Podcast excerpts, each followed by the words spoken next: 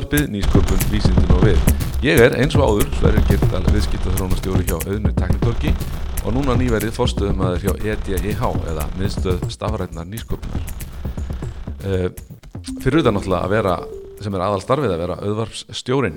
Í þessum þætti ætlum við að setja okkur eða vinna undir hatti EDIH sem er stafræn nýsköpun og ræða sköpun með hjálp gerfugrindar sem er mjög áhugavert efni og relevant í dag og til að ræða það ætlum við að fá til okkar Þórhall Magnússon professor í framtíðar tónlist í tónlistadeild í Sussex háskóla ásamt að vera rannsóknarprofessor hjá Lista Háskóla Íslands. Og hann tengist aldeilis þættinum en við förum yfir þættir augnablík verður velkomin Þórhallur. Þakka ekki hella fyrir. Hvernig, er, er ekki gaman að vera komininga? Það er bara frábært og Já. gott að vera komin til Íslands og með þetta verkefni, Evrópusambandsverkefni styrt frá ERC Já, eh, til fimm ára. Þannig við erum þarna hjá listaháskólanum og erum uh, hópur fimm manns sem erum Já. að stunda þessar rannsóknir. Að búa til hérna, Já, að skilja hvernig hún er búin til og hvað áhrif hún geti haft. Við erum svona fikra okkur inn í hið ókannaða sko, Já, já. tækninni að leiða ljósi eins og tónlistamenn hafa alltaf gert. Akkurat. og ég hérna, við kynntumst eða ég fann þig held ég, ég man nú ekki alveg hvernig uh, þegar ég var að byrja í auðvarpinu að því að mér langaði að búa til stef fyrir þáttinn. Og mér fannst svo, svo fallega hugmynd og skemmtilega að búa hana til með gerfigrind og ég fann þig og baði um að búa til stef sem að þú gerðir með tildulega litlum fyrirvara. Og, og, og tókst, eða mér fannst það, hvernig finnst þér nú ertu búin að heyra hann aftur, er búin, búin, búin að gleyma þessu en er þetta ekki gott stef? Jú, þetta var nú bara flott stef sko, svona virkaði svolítið vísindalegt og, og svona teng, tengdi okkur við vélarnar og, og framtíðina og eitthvað Já. svona ókunnugt, já, og nýjasta og teknovísin nýjasta teknovísindi. einmitt. og mér langar svo að vita ég ég að langa að hitta þig núna síðan þetta var, hvað, ég átti í tvö ár og loksins tekst þetta en hvernig, hvernig bjóst þetta til, hvernig, hvað, hvað gerðist? Þetta verk var nú bara búið til, sko, þú baðst mig um þetta og ég hafði nú ekki mikinn tíma en ég, ég hafði þá skrifað svona live coding forritunamál sem er notað til þess að flytja tónlist í rauntíma Mm þegar maður, þá, og þá skrifa maður kóða.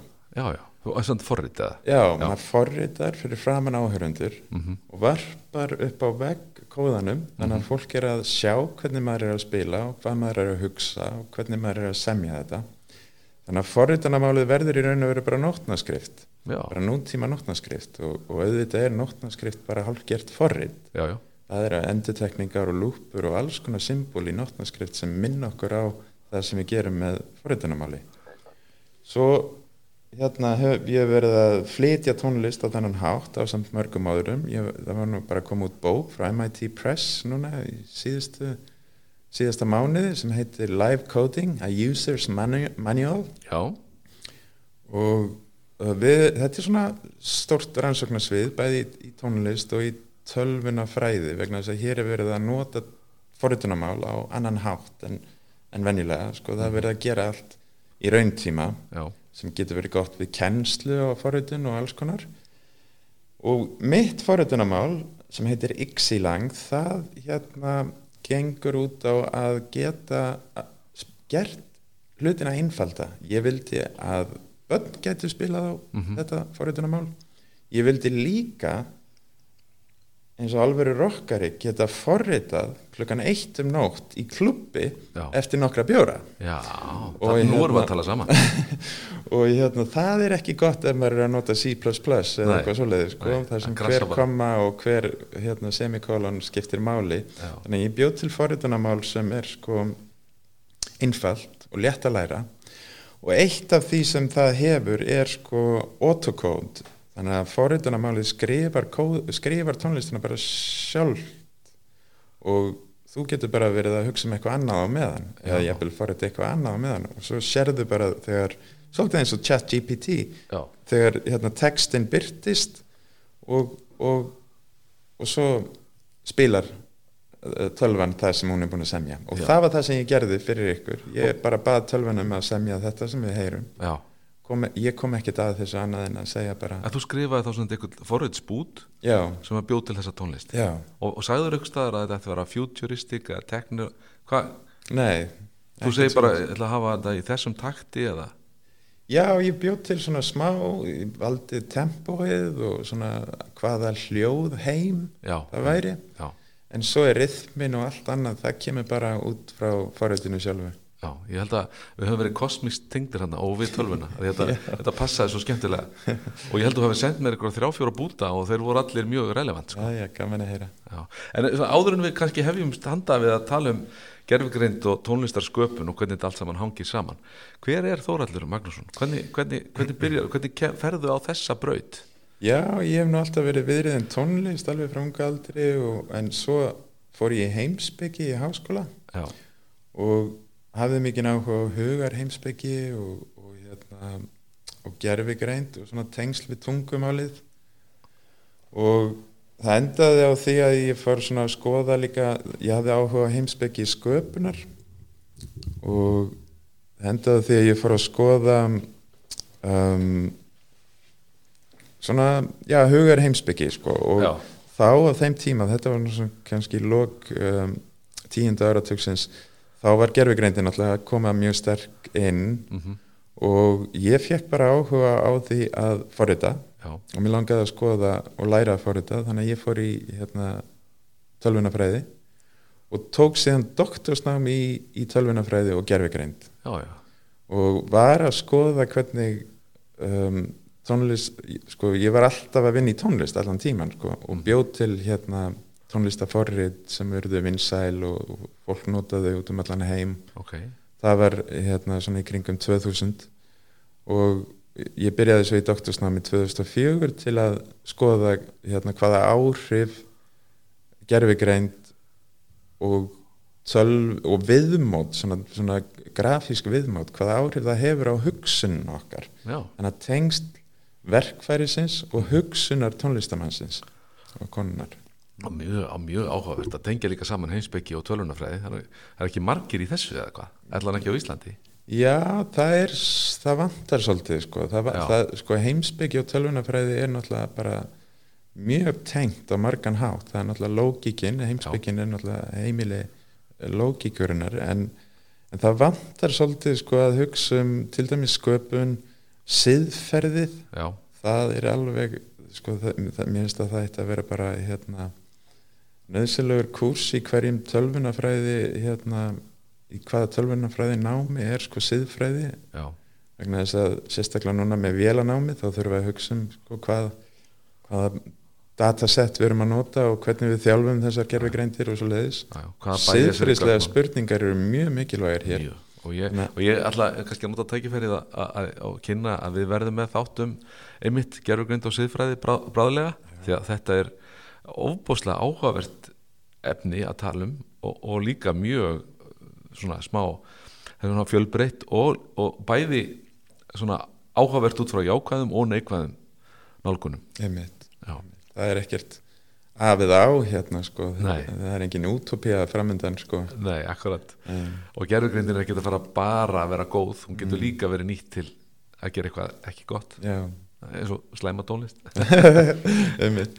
En ég, þetta, þetta er ágætist tenging inn í, inn í næstu spurningu sem er sko að því ég held að, að sko bæði hér á Íslandi og væntalega í öðrum samfélögum eru me- menn mikið uppteknir af gerfugrind já, hver staðan á henni er, hvernig við erum að nýta hana og, og, og, og hvað er svona að fara að gerast. Og mér langar svolítið aðeins að ræða kannski við þig út frá, út frá því sem þú ert að gera. Hvað er, hvað er gerfugrind í rauninni Hva, hvað er, er þetta bara forrit eða er þetta í alvörunni greind, þar að segja, er þetta eitthvað annað heldur en forrit? Já, við getum náttúrulega bara að skoða skilgreininguna á gerfigreind ef þú ferði í Wikipedia þá, þá stendur hérna Artificial Intelligence og svo The Simulation of Human Intelligence. Já, og ég set nú spurningamerki við margt þarna til Já. dæmis Human Intelligence. Til hvers Mhm. erum við endilega að, að leita, að simulera eða ap eftir mannlegri greind.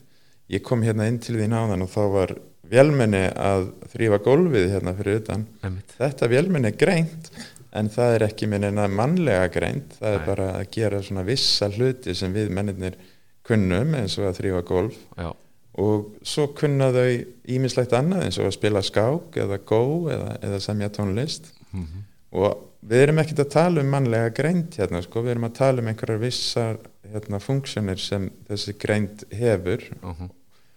og líka þegar ég set spurningamerki við mannlega greind þá vil ég nú bara líka hugsa um sko, það er náttúrulega dýrir með greind og, og hérna, það má spyrja sko, hvort að plöntur hafi greind og ég vil sveppa svona, teng, svona neðanjærðar hérna, tauganett sveppa.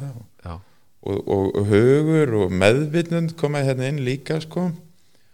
Og, og hvar eru mörkin á sko greind og hugur og, og, og, og hvenar er, er tölvan jafnvel komin með eitthvað eins og einhver kannski lægri lífform um, eru með?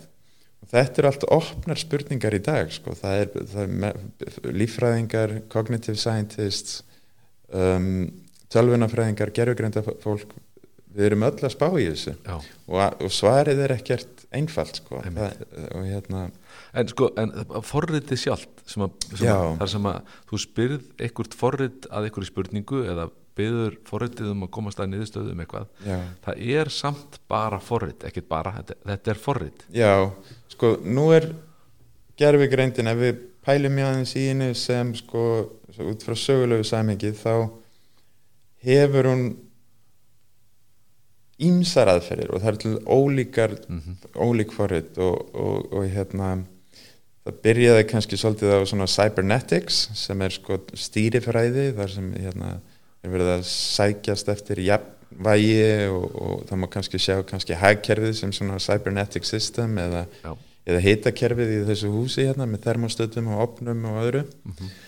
Um, það var svona inspirasjón uh, innblástur fyrir vissa gerfi greind þarna svona kringum 1940-50 Mhm. svo fyrir að koma svolítið sem við kalla symbolic AI og þá erum við að nota sko reglur til að skilgreina hvað hérna á að gera Mhm. þá er expert systems og alls konar svona sko uh, tækni og reglur sem við forritum inn í, inn í já, prógramið eins og þú segir já, til að bregðast við heiminum, skinja heiminn og, og bregðast við og, og okkur finnst það kannski hafa einhverja greind. Skáktölvurnar fyrst voru þannig og, og chatbots og svo leiðis Mhm. en byltingin sem við erum að sjá núna er tauganett og þau eru alls ekkert ný sko. það, perceptrons og tauganett eru, eru áratuga gömul sko, en það er fyrst núna sem við höfum sko tæknina, hraðan sem þarf svona. GPU farms sko, bara hérna minniskup, eða sem sagt prósessora til þess að rekna þetta út af því að þetta eru gífulega flókin tauganett og svo tæknina, tauganett tækni eða bylting í því og svo mjög mikilvægt til þess að gera þetta einhverju viti þá þarf góð datasett, gagnabanka Mhm. og í gamla dag þá, voru, var ekkert búið að digitalisera allavega þess að gagnabanka og, og hérna. Þannig að ég myndi segja að stóri munurinn á því sem er að gerast núna á, á, þess, á síðasta áratíði er sá að við erum ekki að forrita reglur inn í tölvuna og segja tölvuna hvernig hún að bregðast við öllu við erum ekki að skilgreina og niður njörfa það sem á að gera ha, heldur erum við að búa til um, möguleika conditions fyrir tölvuna að læra. Já og taka þá mismunandi afstöðu eftir hvert hvað hún sé búin að læra já, út frá þá gagnasettum sem hún hefur aðgangur já, já, þannig að hún lærir af sko af því gagna, af þeim gagnabanka sem hún hefur hvort sem það er tónlist eða tungumál eða, eða keira bíl úti eða, eða hvað sem er sko. Og, og þróar sitt tauganett þannig. Mm, Þannig að við erum ekki að segja sko Teslunni hvernig hún á að beigja eða hvenar hún á að hægja á sér heldur er það byggt á lærdómi. Já, og það er engin forritari sem situr og, og segir neitt sko. Mhm, og þetta náttúrulega skapar ímislega vandamál vegna þess að tölvan getur lært alls konar vitleysu. Já, hún getur náttúrulega lært sko til dæmis ef hún les litteratúr eða horfir á myndir þá getur hún hérna lært ósiði fortíðarinnar. Já, og, og hérna svona gerði svona tilraunir með þetta fyrst þegar þetta var að koma fram að maður bað hérna Dali um að teikna mynd af kennara þá var það yfirleitt hvern maður já, og svo bílstjóra. Þá var það kallmaður já, já, og þetta er bara því að svona hefur þetta litið út í fortíðinni. Já, flestar myndir sem eru á netinu eru þannig. Já, og þá er spurningin sko hvort að við förum inn með svona symbolic logic sko ákverðanatöku og segjum hérna og vinna á móti þessu. vinna á móti þessu. Já, vegna þess að við lifum í öðrum veruleika í dag. Já, og það er má segja að það sé búið að gera það með chat GPT til dæmis sko. Já. þar er reynd að vera ekki með neitt sko kynjamisrétti eða rasisma eða annað sem þetta forrið hefði geta lært úr allir þessu sem það var búið að lesa sko. já, að því að gögnin hinga til hafa verið svolítið skökk.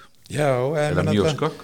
fortíðin, við erum börn okkar Já, já. tíma alltaf, þú sér bara með Róald Dahl uh, hérna, já, já, umræðina núna sko, hann var að skrifa fyrir 40 árum eða eitthvað og, og hérna, notaði orð sem okkur þykir ekki æskileg í dag. Já, já, já. Þetta er, þetta er mjög áhugavert og svo einmitt út frá chat GPT menn uh, það er svo svo vél byggir á statiskum gögnum Já. að það var gögn sett inn í kerfið og svo lærið þið það. Þeir eru að tala um að, að, að það verði opnað á næstunni þannig að hún hafi þá aðgang að internetinu live og eftir 6-7 ár þá verði hún búin að eða þessi, þessi búnaður búin að, að lesa öll gögn og allar myndir og tólka þær sem eru á netinu fram að þeim tíma, Já. bara allt saman. Já, og þá er mitt skapast umræðinum sko, hvað er á netinu, hvað, hver býr til efni sem er á netinu? Já, og, og eitt, eitt af því sem fólk hefur uh, talsverðar áhyggjur af er að þeir sem hafa svona ekstrím skoðanir eða á jö- jöðrónum í, í einhverju tilliti, í einhverjum skoðunum þeir eru duglegastir að, að tjá sig. Þannig að kannski verða eh, heldur þetta vandamál áfram að venjulega fólkið eða normal fólkið eða sem er sem flest fólk sem er bara venjulegt ég veit ekki hvað, hvað, hvað er þetta að segja að fólk sé venjulegt, en svona flestir sem er ekkert að tjá sig mm, hafa engan sérstakka skoðan á þessu. Svo rödd kannski hverfur. Já. Þetta er áhugavert. Þetta er áhugavert og þetta er vandamál sko, það er náttúrulega Microsoft pröfaði að setja einhvern chatbot á netið hérna fyrir nokkrum árum síðan og, og einum degi var hann orðin svæsnasti rasisti sko, að einmitt út af þessu fólki sem var að tala við botin sko. já, En mér finnst kannski líka svolítið gaman að minnast á þetta, þú segir netið sko, að, en svo er það líka sko, okkar, sko, þessi gerfigreind fyrir kannski að aðlaga sig að okkur. aha, Ég var einmitt að pröfa það bara í síðustu viku að láta GPT, ekki þetta chatforrit, heldur bara tauganendið, lesa mínar bækur, það sem ég hef skrifað. Ok. Og þá er tauganendið búið að læra hvernig ég skrifa og hvað ég skrifa um og annað. Og svo fór ég bara í þennan chat mode við bókina mína. Já, og var bara að spurja sko hvernig hérna, hvað segir þessi bók um þetta hugtak? Og hvernig tengist það einhverju öðru hugtaki? Og þá var forritið svona að spinna upp svona einhverja, einhver svör sem ég hefði ansi gaman að lesa vegna þess að ég, ég hafði ekkert skrifað þetta. Nei, svo pröfaði ég að hérna, segja við forritið hérna, skrifaði þetta í stílnum af hérna, Hunter S. Thompson. Svona Gonzo Journal hérna, svolítið svona grófan stíl. Þá kom bara hérna, upplýsingarnir úr bókinu minni í allt öðrum stíl en ég hafði nokkuð tíma að skrifað. Já, þannig að þetta er rosa við, þetta, er voða, þetta er svo skrítið sko og, og við getum ímyndað okkur þá að þú veist þegar gerfigreindin fyrir að personu að aðlega að þinni personu og skilja þig og annað og, og hérna fólk er kannski að tjatta við þetta eins og það gerir við Alexu og Siri og svona að það er bara við erum bara orðin einhvern veginn inn í þessum tækjum og tækinn fara að læra okkur og svo má spyrja sig hvað gerist þegar við föllum frá eftir ára, nokkra ára tíu sko. hvort að tækin verður bara hreinlega ekki með bara helling af okkur í, í sér og, og að afkomendur okkar geta bara spjallað við langafa sko, já, og langamu já, í gegnum það sem þau einhvern tíman töluðu við eitthvað tauganett sko. magnað af því að, að að þá náttúrulega ertu búin að svara einhvern spurningum og hafa einhver viðþorf í þínu lifanda lífi sem þá kannski lifa af og hættur að spurja hvað, heldur að, hvað hefði afi gert í þessu já, já. og þá verður það bara með röddin okkar og, og hérna, hugmyndirnar okkar og allt þetta já, já. Þetta er að, og mér fannst líka gott sem hún sagði ráðan að sko gerfi greind við gerum ráð fyrir því að við séum að reyna að búa til mannlega greind aftur eh, og þetta sé svona einhvers konar þróun, fyrst gerum við einfalt svo, og þetta verður alltaf betra og betra og verður nær mannlegri greind. En kannski, og þú sagðir að, að það var e- e- eina spurningunum sem hún setur við þessa skilgreiningu. Er kannski tölvugreind eða gerfugreind bara eitthvað allt annað heldur en human greind? Er, er, er þetta öðruvísi greind sem við höfum kannski ekki séð áður? Já, það er nú alveg á hreinu eins og er sko, að, að það er staðan held ég og, og ég held að allir hérna cognitive scientists, hugar fræðingar myndi nú líta svo á. En maður veit aldrei með framtíðina en eins og þú segir sko, þetta er tauganett bú, eru búin til af statistík. Já, það er lesið inn ótrúlegt magna texta og tölvan er bara að raða saman hvað er líklegast að komi næst. Emmitt og býr til hérna einhverja, einhverja texta orðuræðu úr því. En þetta er ekki hugsun. Nákvæmlega, tölvan er ekkert að hugsa. Og þá fyrir við að hugsa kannski um okkar hugsun. Hver, er, hver erum við? Og, og við erum náttúrulega í líkama. Við erum í hérna með tilfinningar og, og ástand og, og það eru alls konar hlutir sem hafa áhrif á okkar hugsun eins og bara melding og, og hormónar og, og, og svefn og, og Veður- kaffi og, og veðrið og, veðrið og hitt og þetta. Tónlistin sem við erum að hlusta á kannski. Og hérna og upprunni hugsanum okkar er náttúrulega ekki í tungumáli sko. það, það er eitthvað sem er pre-linguistic sko. en, en þessi gerfigreind er ekkert að hugsa á þennan hátt. Hún er ekki líkömnuð uh, við tölum um embodiment sko. Já, og hérna þegar gerfigreindin er ekki líkömnuð og, og, og hérna þó að þú myndir skella chat GDP inn í þessan þennan hérna robot sem er hérna fram á gangi þá væ- væri við ekkert að tala um líkamna, líkamnaða greind sko. ekki fyrr en að robotin fyrir að finna til og, og, og hérna, að það sé almennlega tengt og, sko. og bara þess vegna verður þetta aldrei mannleg greind Já, þú segir aldrei. Já, ég, ég, myndi, ég, ég tek ekki svo stert til orða en við getum sagt kannski nokkrir áratýr allavega í það sko. já, já. og e- ég er ekki að segja að það sé endilegt eitthvað endatakmarka að verða að ná mannlegri greindin Eh, bara áhugavert sko. Já, en sko, svo er spurningin ef við og þetta er nú gamalt svona heimsbyggilegt vandamál hérna Searle og, og the Chinese hérna, room sko. Já, ef við finnum ekki munin á því hvort sé maður eða vél bakvið, inn bakvið vegg sko. Og þú ert að tala við einhvern og þú bara getur ekki fundið munin. Þá, þá erum við náttúrulega komin með hérna, eftirlíkingu af mannlegri grein já, sem er orðin ansi sko góð. Já. og, og þess, þessi viðkomandi greind geti þá spila skák, hún geti sami tónlist, hún geti búið til brandara, sami ljóð tilfinningarík ljóð sko. Mhm, en enga tilfinningar samt kannski bakvið ljóðið. Já, já, og, en, en ef, við, ef við sjáum ekki munin ef við höldum að það sé bara maður þarna bakvið veggin sko. Þá er það maður. Já, þá, þá, eða, sko, þá erum við konum með mannlega greind.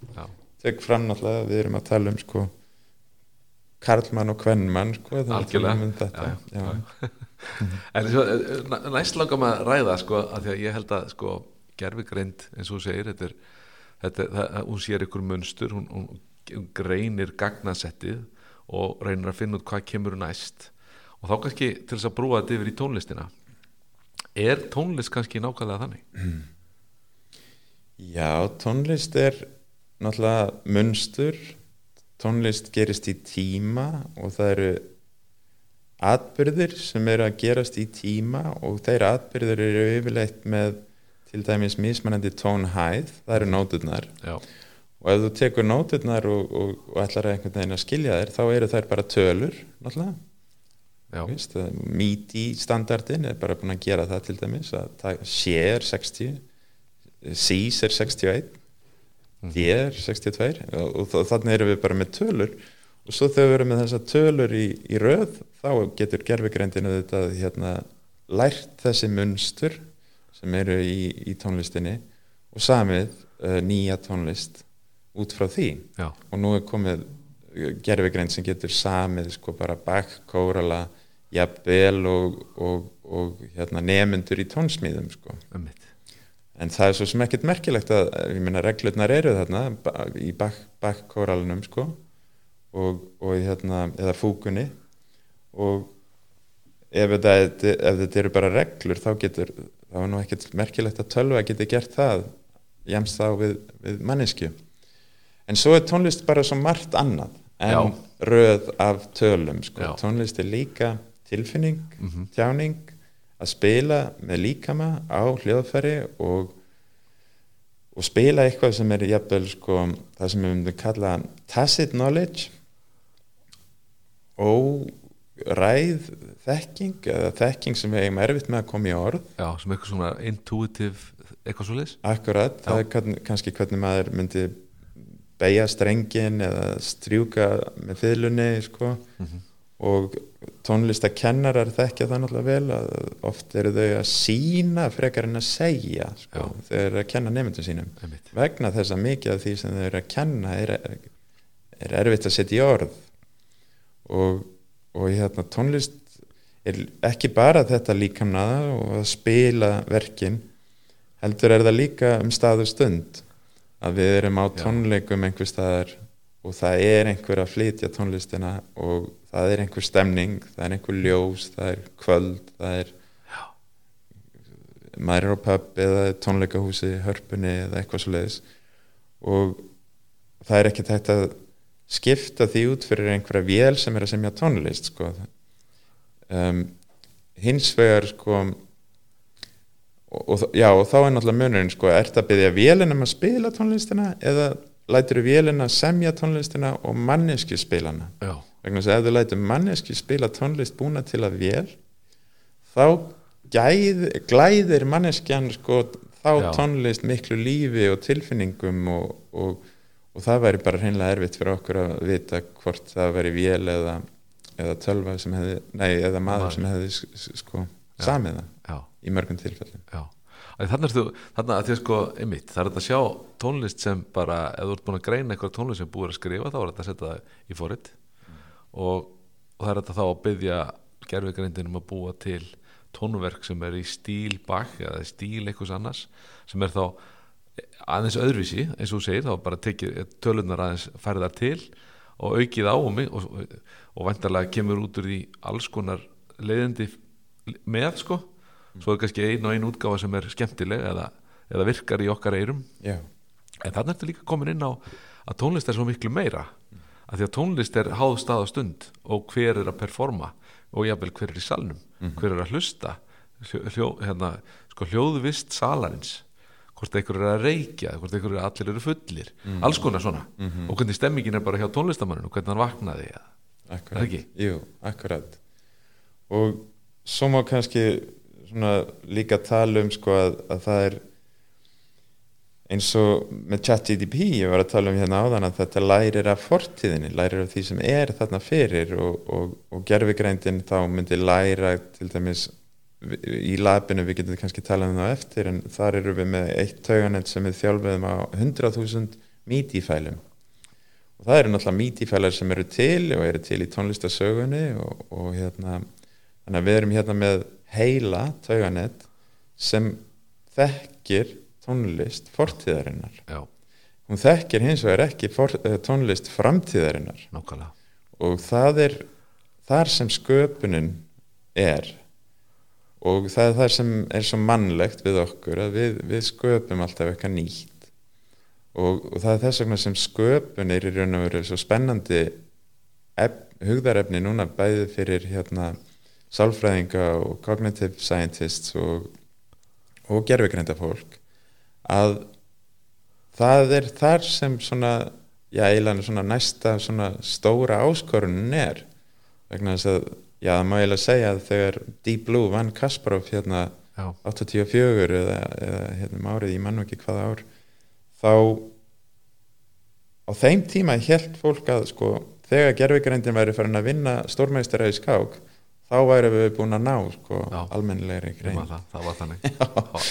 En, en hérna svo kom ég ljós að tölvan var alveg dundur heimsk þó hún gæti unnið hérna Já, Kasparov. að því að þarna, það, það sem hún hafði fram yfir Kasparov í þessu, þessar einvíi var tölvuaflið já, og vera búið að mappa út allar hugsanlegar uh, aðgerðir á skák, skákborðinu út frá þeim reglum sem þar gilda. Akkurat, en hún getur reikna meira út heldur hann. Já, en hún var ekkit, hún aðeins eitthvað sköpunagáður nei, einmitt einmitt, Já, þá er kannski svo skemmtilegt að, tengja þetta við, sko, nú erum við búin að tala um gerjugrind og tónlist og þá komum við kannski að þínu sviði sem er sko uh, uppfærsla á hljóðfærinu og þá fannst mér mjög áhugavert að, þegar ég var að lesa mig til um uh, þín, þín verk hinga til að þú vilt meina það og mér langar svo til þess að þú farir aðeins yfir það með okkur að hljóðfæri sé í rauninni sko ber þess merki hvernig það var fundið upp út frá tækni að þar sé þá tækni hvers tíma hámörkuð í hljóðfærinu.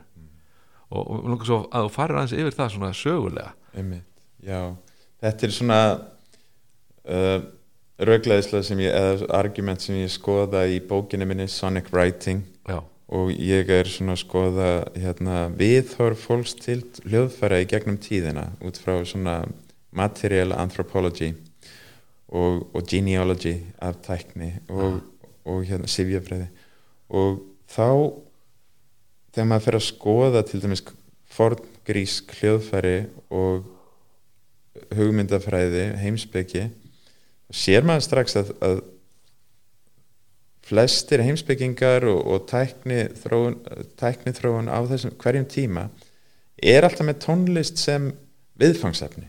Mm þannig að við erum hérna með Píþagoras til dæmis að koma fram með stærðfræði og, og hérna og heimsbyggi en hann er að spá í tónskölum og, og hérna skiptingu tónstegans niður í, í hérna skala og svo leiðis Mm. og og sama tíma eru grekkir að þróa sko vassorgel já, með hérna sem pumpa lofti inn í pípur og þetta er náttúrulega gífulega mikil tækni. Og, við, og svo ef maður fer bara og heldur áfram þá getur maður kíkt á til dæmis bara ímyndum okkur hérna á miðeldum inn í einhverju borg í Evrópu sko, og kirkjorgelið þetta er nú bara einn ein stærsta, stærsta tækni undur þeirrar borgar í raun og veru sko. Í raun og veru, einmitt. Það er hvernig það allt virkar og, og, og þú getur ímyndað þér upplifun að vera þar inni. Þetta er eins og eitthvað multimedia show sko með steinda glugga og þessa tóna og reverb og hérna, bergmál í kirkjunu og svona. Og þetta er mjög flókið instrument, þar að segja að hljóðfæri sjálft er mjög flókið, já, þetta er mjög bæði mikið handverk. Já, handverkið og vinna með þetta sko og svo höldum við bara áfram og maður sér sko bara píanóið og, og hérna þróunin á stöðlunum og, og hérna og alltaf er þetta sko sko tækni sem er svo tengd manns líkamann já, við erum alltaf hérna að þróa tæknina út frá manns líkamannum og hvernig við spilum á þetta. Já, fingrasetning á, þú veist, eh, fingrasetningarnar og interfeysið sko í raun og veru hvernig fyllan liggur að hálsinum og allt þetta þetta er það er verið að þróa hérna tækni sem er svona mannleg tækni og svona framlenging af okkur framlenging af líkamannum og huganum náttúrulega líka. Og svo komum við hérna inn í sko inn í elektróníska tíman sko þá er bara það er ekki langt síðan hérna eitt af fyrstu nótkunum á, á hérna símalínunum í New York var sko streaming tónlist. Já, það? Já það hétt uh, Harman Opticon held ég eða eitthvað þá Já. var hérna þá gætt fólk bara lift tólinu og, og hlustað á tónlist sko. Já, já, og þetta var einhver, einhver business sem eh, einhver frumkvöðl eh, svona í kringum 1920 var með sko og á sama tíma kemur svo Leo Theremin og býr til nýtt svona elektrónísk hljóðfæri. Svo koma synthesizerarnir, hljóðgerflar og, og, og svo náttúrulega bara með tölfunni það er í Bell Labs til dæmis kringum 1940-50 þar var hérna Max Matthews að, að hérna synthesera sko rödd já, út frá hérna eða í, í tölvu. Og við þekkjum að þá rödd til dæmis í, í læginu Daisy Daisy sem Hal syngur þegar hérna það er verið að taka hann í su- sundur tölvan í 2001 Space Odyssey. Já, og það er bara verk eftir, sem var samið þarna í kringum 1940-50 sko, Já, frá rannsóknum í, í, í tölvu tónlist og hann bjóð síðan til forritunamál fyrir tölfur uh, fyrir tónlist sem urðu mjög vinsæl og, og er í raun og veru grunnurinn síðan að því sem við notum í dag Logic og GarageBand og, og þessi forrit. Já, þannig að maður sér að það er alltaf sko í framþróun er, er alltaf tónlistamenn eða fólk að nota tónlist til, til þess að hugsa um nýja tækni. Já, og nýta tæknina til þess að bæta eða breyta já, Já. það má eiginlega segja sko í hvert skipti sem það kemur ný tækni fram þá er einhver tónlistamæður sem tekur hann og notar hana. Já, það er bara eðli tónlistar. Og, og í dag erum við þá að rannsaka sko gerfigreind með tónlist og reyna að skilja okkur, skilja tæknina út frá tónlist. Og en ekki bara við tónlistamenn sem erum að gera það heldur eru líka stóru fyrirtækin eins og til dæmis Google þau sem eru að gera miklar hérna, rannsóknir í gerfigreind þau eru bara hreinlega með rannsóknarstofur sem skoða og eru að fást við tónlist. Já. Magenta til dæmis. já, það er bara lab sem, sem fæst við að, að rannsaka tónlist. Já, og Google er ekki að, að, að, að reka þá rannsóknastofu til þess að leifa greið vísindamönnunum að leika sér aðeins Mhm. heldur taka þér þetta alvarlega sem rannsókn og viðfangsefni og hvað hva, hva gæti þér þá lært af því að nota tónlist þá til þess að þróa gerfugreindina áfram með Já, Já. til þess að skilja hvað, hvaða möguleikar það eru við, við náttúrulega sko skiljum tónlist á svo og svo intuitívan svona insights hátt sko að, að við getum þessar, þessar spurningar um hvað er greind, hvað er hérna, sköpun, hvað er hérna, hvenar er tölvan að gera eitthvað sem er mannlegt og svona það er hægt að gera það í gegnum tungumálu þetta en, en það er sko tónlist er bara annar vettvangur fyrir Já. það já, og ég held að það sé það sem þeim finnst spennandi að, að hérna, reyna að skilja uh, og svo er þetta náttúrulega bara dat, uh, data science líka sko, að, að tónlist er þá hérna, uh, með stórt dataset og þetta eru tölur og það er hægt að þróa ný tauganet og nýjar hérna, aðferðafræðir nýja arkitektúra í tauganetum með því að nota á þessi dataset já. Þannig að það er svona margt í þessu sem Ja, þeim er mjög. spennandi Og, hérna, og þá kannski hérna, talandi um sko, hljóðfærin og hvernig þau hafa þróast og ramaskítarinn og synthesizerarnir og síðan er nota tölvunna náttúrulega notaðar í tónlistasköpun í dag og þá kemur að því kannski sem er svona kannski kjarnin í því sem þú ert að gera ef ég skil þetta rétt sem er að, að þá að, að rannsaka þá notkun gerfugrindar í hljóðfæri sem verið er að spila á. Mm, Er það ekki? einmitt, það er alveg rosalega spennandi. Einmitt. Við sko það er fullt af fólki út um allan heim sem er að fást við tónlist og gerfugreind og, og, og margir eru með tækni þar sem sko gerfugreindin lesa einhverja tónlist og svo ítur á takka og það spýtist út nýtt verk. Já, og, það er þessi liftu tónlist er það ekki, þess að, þú getur fengið tónli Já. til að búa til tónli, tónlist undir einhverjum formerkjum. Jú, það er, það er í sum tilfellum er það liftutónlist og, og, og, og í sum tilfellum er það bara ágætir svona sko, til dæmis fyrirtæki sem eru að markasett svona fyrir þessa youtubera. Já, sem eru með sínar hérna, rásir en hafa kannski ekki pening til þess að borga hérna, engarétt uh, royalties royalties. Og þá getur þetta fólk bara fengið einhverja bakgrunnstónlist sko, út frá þessu. Og allt gott með það að segja sko, það er, en, en hérna en svo eru líka sko, verkefni þar sem eins og félagi minn í Stokkólmi, Bob Storm hann hreinlega þjálfaði tauganett á ískri þjóðlega tónlist og, og let uh, hérna sem, tölvuna semja nýja tónlist. Gaf hann svo út á hans að láta hann okkur vita að það væri tölva sem hérna, Já. hefði samið það og hljómdiskurinn fekk bara ágætis uh, viðtökur.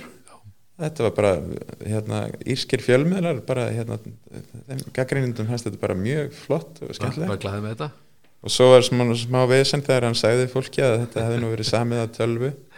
Þá kom upp svona spennandi hérna, umræður Já, á þessu sviði og, og, og Bob náttúrulega þurfti að og er mjög meðvitaður um siðfræðina hérna í þessu. Já, en sko, þú ert að spurja með hljóðfærin og, og ég er að segja sko, e, við erum með eitt svið þar sem svona tölvan er svona aðstofamæður við að semja og við getum ímyndað okkur að við erum í Logic erum, það er einhver kvikmyndatónlist sem við erum að semja og við þurfum að finna einhverja flotta bassalínu á þetta track hérna, þá getum við kannski bara sagt hérna, spýtu út fyrir mér svona, hérna, 16 um, ba, börum af, hérna, af, af bassatónlist eða ba, bassa, bassaleik.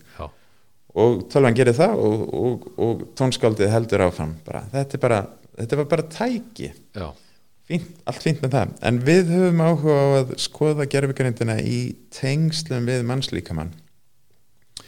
Og þá í hljóðferðinu og, og sagt, við höfum áhuga á spurningunum hvernig skiljum við gerfugreind hvernig líður okkur með gerfugreind hvernig finnst, hvað finnst okkur um hafa atbeina hérna hugmyndir er hún lifandi sko, að því að við erum alltaf að varpa okkar hugmyndum á tæknina sko. við segjum bara hérna, hérna, kaffivélin er í vondu skapi í morgun eða eitthvað sko, og, og, og hvernig, hvernig gerum við þetta með gerfigreind Mhm.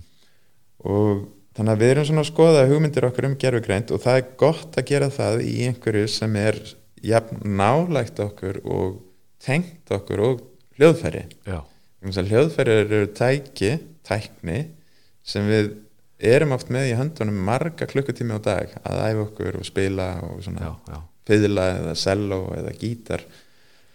Og við þekkjum þessi hljóðfæri svo vel, við þekkjum þessi tæki svo vel, við þekkjum það miklu betur en brauðnýfin eða, eða pennan eða hvað það nú er sko. já, og, og hérna hvernig líður okkur þá þegar gerfurigrindin er orðin partur af þessu og er kannski að bregðast við því sem þú ert að gera eða læra á þig sem tónlistamann við spyrjum spurninga eins og hvað ef við erum með þrjú eins hljóðfæri sem hérna fara til þryggja ólíkara tónlistamanna mhm, og aðlaga sig að þeim.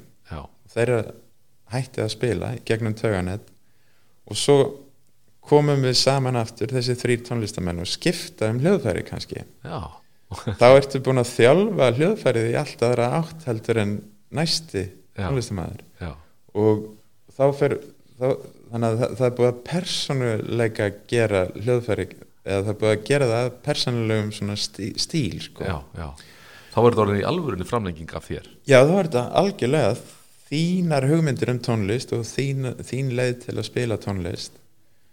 Og þetta er náttúrulega gífilega interessant, spennandi spurningar fyrir okkur sem erum að fást við heimsbyggi og gerfigreind að, að reyna að skilja hvernig fólki líður um þetta, hvernig talar um þetta og svo leiðis og svo getum við þá líka tekið þessar hugmyndir og þessa, það sem við erum að læra úr þessu verkefni okkar um tónlist og varpaði yfir á öðun önnur svið samfélagsins sko, önnur svið tekninar sko. já, hvað bílar eru að aðlega sig að, að þeim sem er að kæra eða einhvers konar líkamsræktatæki er að aðlega sig að, að þér sem líkama og, og hvaða hérna, tengsl hefur við uh, þessi tæki þá eru við kannski búin að og það er það sem við erum að gera við erum að þróa þessa orðuræðu og Já. þessar hugmyndir um þessa manngerfingu á gerfigreind Já.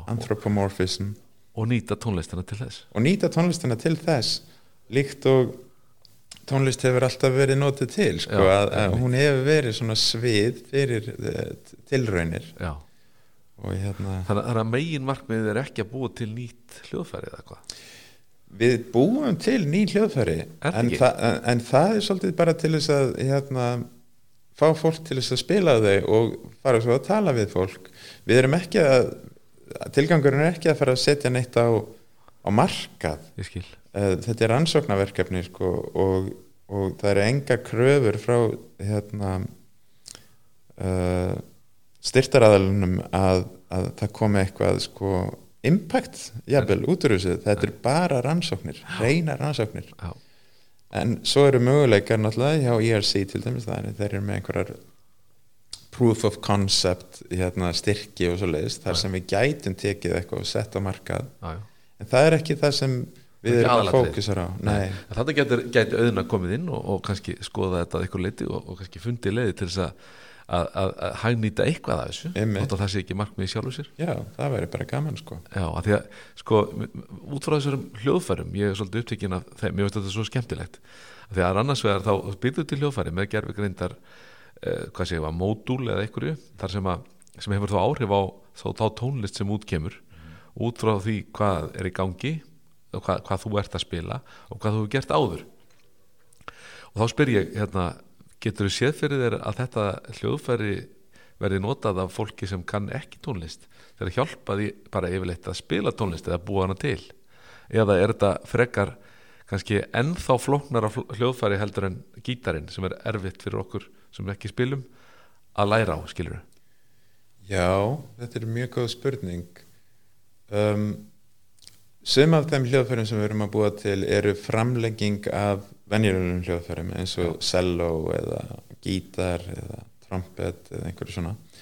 Þá þarftu náttúrulega að læra bara á þau hljóðfæri eins og, og venjulega.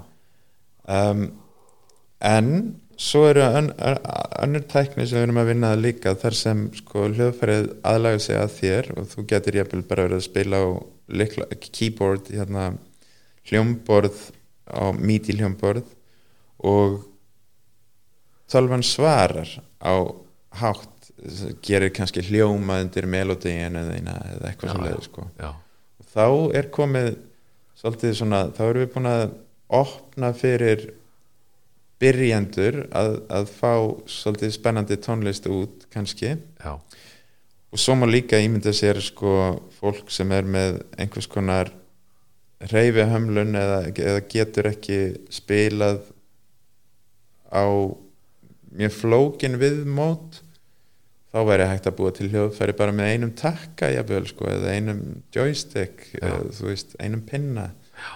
þannig að það er hægt að aðlaga hljóðfærin þá að ólíkum aðstæðum og mér finnst einmitt mjög spennandi að og það er það sem gerfigreindin gerir svolítið núna að hún er í raun og veru að opna svið tónlistarinnar fyrir almenning. Já, og það er bara jákvætt vegna þess að tónlist er veitir flestum ánægju. Já, og það er nú hérna, fyrirtæki í Berlín sem gerði rannsóknir í þessu hérna, Native Instruments að það er bara helmingur fólks sem vil tjá sig í gegnum tónlist já, en getur það kannski ekki að því að það hafði ekki þessi forréttindi já, að læra tónlist sem bad en þá kemur kannski gerfigreindin inn hérna og það er það sem þau eru að gera. Þau eru að læra af hérna, notendum hvernig tónlistin er búin til sem veitir síðan almenningi möguleikan á að búa til tónlist með gerfigreind og fá þessa ánægju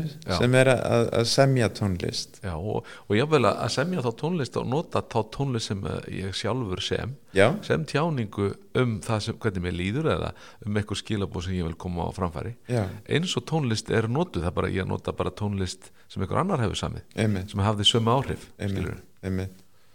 og það, maður heyrir oft svona skeptíska raddir sko gerfigreind mun aldrei hérna, gera neitt gott og þetta er reikalegt fyrir yðnaðinn sko að, að almenningur getur farið að semja tónlist og eitthvað svona.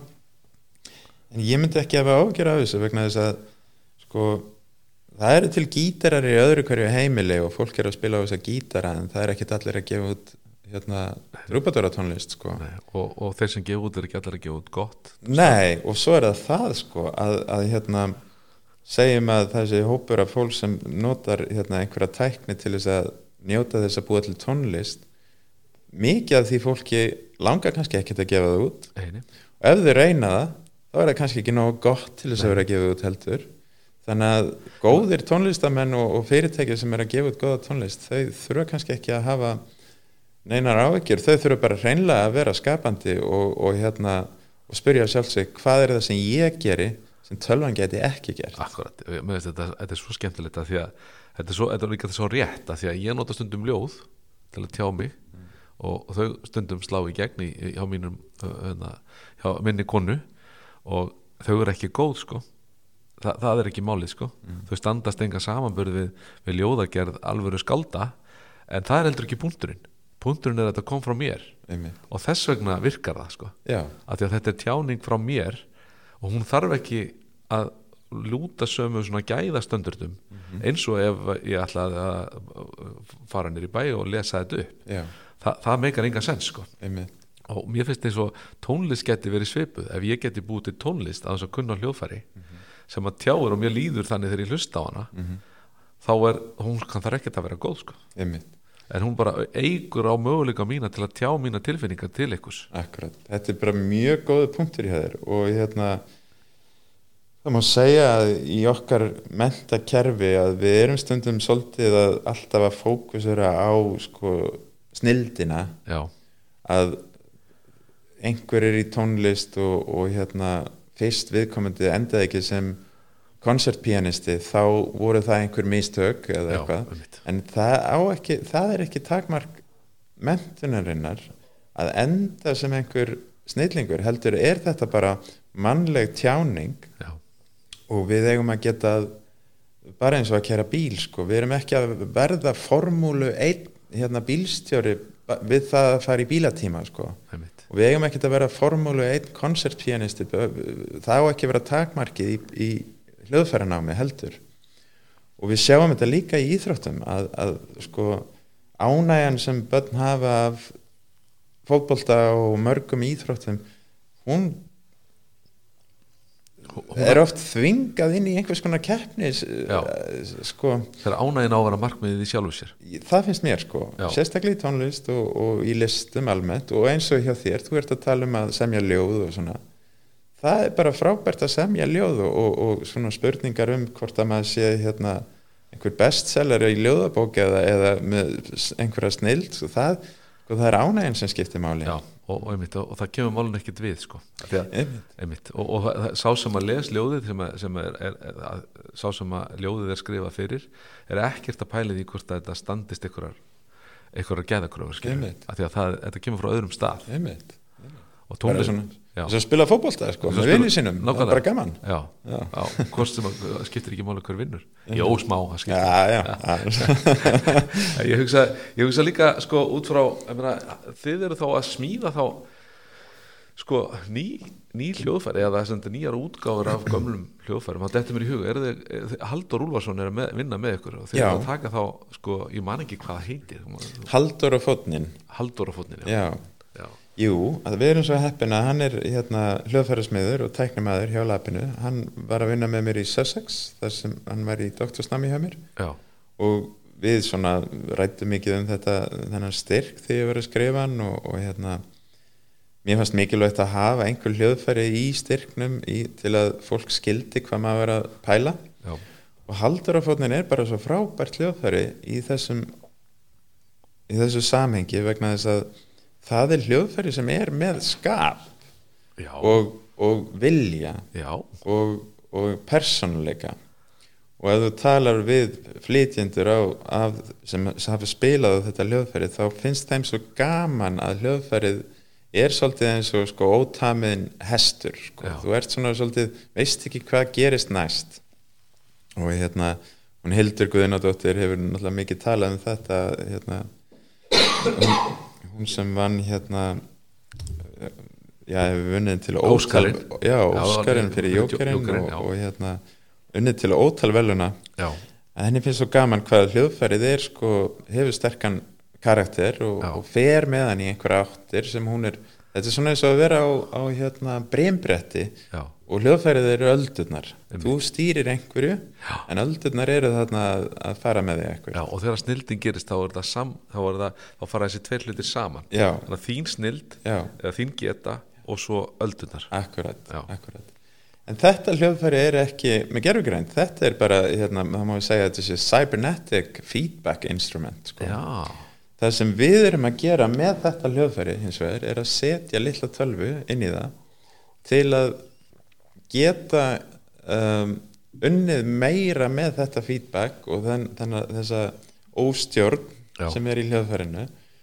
Og þá getum við jafnvel tamið þetta þennan, hann vilda hest já, eða gert hann ennþá viltari já, með því að hérna með bara algoritmum og, og svo með hérna vélanámið þá getur þetta hljóðfæri þróast ólíkt eftir ólíkum hérna spilurum. Já, þannig að við erum eiginlega að nota haldurafónin sem svona eitt dæmi um hvernig gerfugreind getur verið partur af hljóðfæri. Hljóðfæri, ótrúlega áhugavert.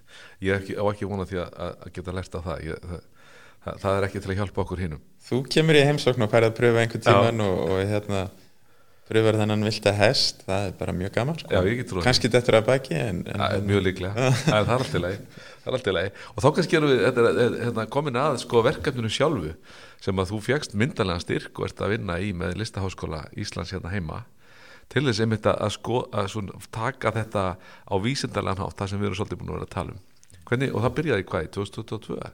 Ég er 2021 september, 21, já. já. Hvernig, hvernig gengur? Gengur bara mjög vel. Já. við erum hérna, að auglýsa þriðju doktorstöðuna eins og er. Ok, þar erum við að spá í sko, þetta eru nú svona þrýr vinnupakkar. Fyrsti vinnupakkin, gengur út á fyrirbæraðfæði hljóð, hljóðfæra. Já, hvernig við tengjum hljóðfærum. Næsti vinnupakki gengur út á félagsfræði eiginlega og, og félagsfræði hérna líka eh, með ó ómannlegum eh, ómannlegri félagsfræði svona non-humans sko. já, ok. Með köttum þá að Nei, með hljóðfærum. Með vélum. Og, og hérna og svo þriði vinnupakkin er svolítið sko með eh, hérna data science og, og hérna að, að nota hljóðfæri til þess að skilja flóknar upplýsingar. Já, þá getum við verið með jarðskjáltadata eða veðurdata eða einhvers konar eh, hérna einhvers konar upplýsingar sem við erum svona að spóla okkur í gegnum með hljóðfæra viðmótum og ég vil að hlusta á upplýsingarnar. Já.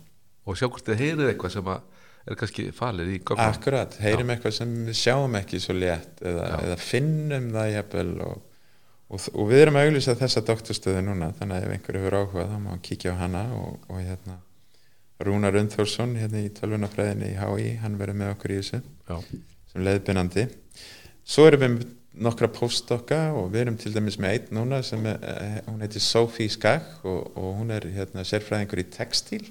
Já, og hún hefur verið að búa til hérna, mjúka róbota.